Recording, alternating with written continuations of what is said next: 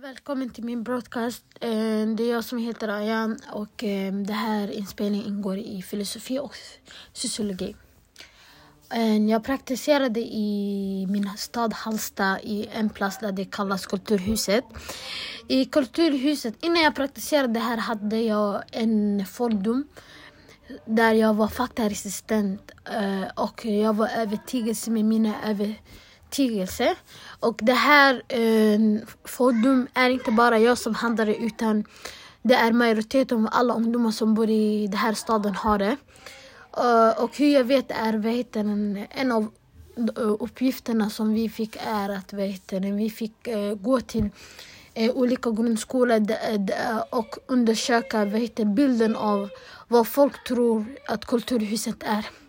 Vilket eh, resulterade att majoriteten stämplade Kulturhuset som ett bibliotek eftersom för länge sedan var Kulturhuset bara ett bibliotek och det här faktan har människor eh, vidare i tiden adopterat den och, eh, ja, och nu är övertygade med sina förväntningar.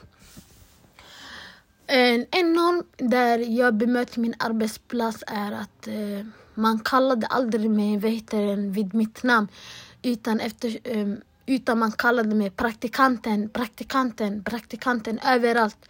Så alla visste att vi var praktikanter. En, vehtaren, jag, jag kommer inte ens ihåg att man kallade mig med mitt namn en enda gång för att jag var stämplad som praktikant eftersom vi var de första praktikanter de eh, tog emot. Och det här var, ja, alla visste att vi var praktikanter, så man stämplade oss som praktikanter. En fördom de hade mot oss. En, en fördom som jag insåg att det existerade var, vad heter det, Eh, eftersom Kulturhuset är många grenar. Eh, kulturhuset är inte bara för det första bara bibliotek som vi trodde att det var. Utan första dagen jag kom, jag konsumerade så, många, eller så mycket information att jag, som var motsatsen än vad jag trodde. Kulturhuset är för det första, om jag sammanfattar, eh, bibliotek, en medierummet där man producerar ett eget eh, vad heter det, film, en eh, kulturskolan, eh, musik, musikproduktion, du kan göra egen musik, en eh, konsthall, dans, gården eh, och eh, ung arrangör som kallas UB, eller Under balkongen. Den här unga balkongen, jag har insett hur människor beter sig eller hur eh, vuxna kollegor beter sig mot dem. Det var irriterad eftersom vad heter det, jag, jag, jag vad heter det, insåg att de här vuxna kollegor vad heter det, hade en fördom mot de här unga arrangörerna. Eftersom de är unga och de är en förening där de samarbetar med Kulturskolan. Eller nej, de, sam, de samarbetar med eh, kommunen menar jag. Och de här eh, är ung, ungdomarrangörer som är förening och de som arbetar mot, med vad heter den, kommunen.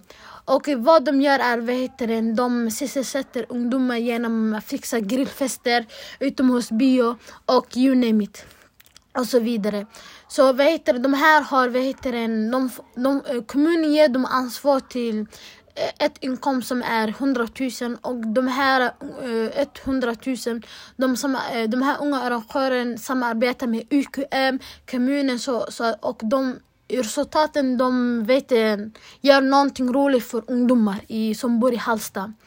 Men de här eh, vet, vuxna kollegor tänker att vet, hur kan vet, de, de har för, eh, fördom som är att vet, att de här ungdomarna kan inte göra någonting. De är lata. Hur ska de kunna ta hand om det här inkomsten? Hur kan de marknadsföra? Hur, hur allting så. De är alltid emot mot de här ungdomarna. Och det var lite irriterande. En annan norm som vi, eh, eller jag insåg att det existerade i min APL-klass är vad heter den? hur alla vad heter den, eh, egen förening eh, alltså är egen förening. De, de är inte integrerade som en hel vet, kulturhus utan vet, det är så pass olika saker som, som finns i kulturhuset så alla gör sin grej. Så exempelvis i gården det är bara vad heter det, ungdomscoacher som är med, vad heter det, ja, med ungdomar som ja, och de måste ha vad heter det, ett eh, exempelvis, de måste vara bra på kommunikation. De måste kunna samarbeta med, eller eh, kunna kommunicera med ungdomen för att kunna vet inse om det är någonting fel eller ja, för att vara vän med dem. Medan det är inte så viktigt att exempelvis en bibliotekarie behöver de förmågan som en ungdomscoach har utan hennes uppgift är mer vad heter den, vilken bok är vilken bok eller vilken bok ligger vilken hylla.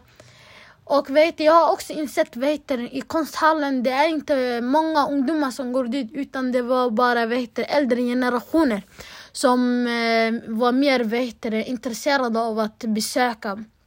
Och, en, vet, medan ungdomar var mer vet, ungdom. Det var ålder, vet, segregation kan man säga.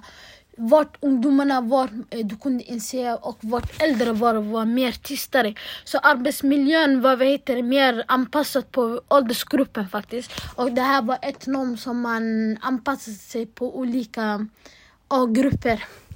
Ett annat vad heter en, fördom som vi bevittnade var vad heter en, att det var inte många ungdomar som hade den. Så vår uppgift, eller praktikanternas uppgift var vad heter kunna få ungdomarna komma till Kulturhuset. Vi var faktiskt marknadsförare för vet, hela Kulturhuset. Där vi vet, gjorde eget film eller reklam till att vet, marknadsföra det här um, Kulturhuset. Och när vi gjorde, medan vi gjorde det här uh, äh, filmprocessen, uh, äh, det var vad heter det, många vuxna kollegor som var alltså, på något sätt emot det här. Alltså, hur ska jag säga? De ville, vad heter det, alltså, exempelvis mer ungdomar ville gården ha men vad heter det, i konsthallen det var inte mer, de ville inte ha mer ungdomar utan de ville ha mer äldre generationer.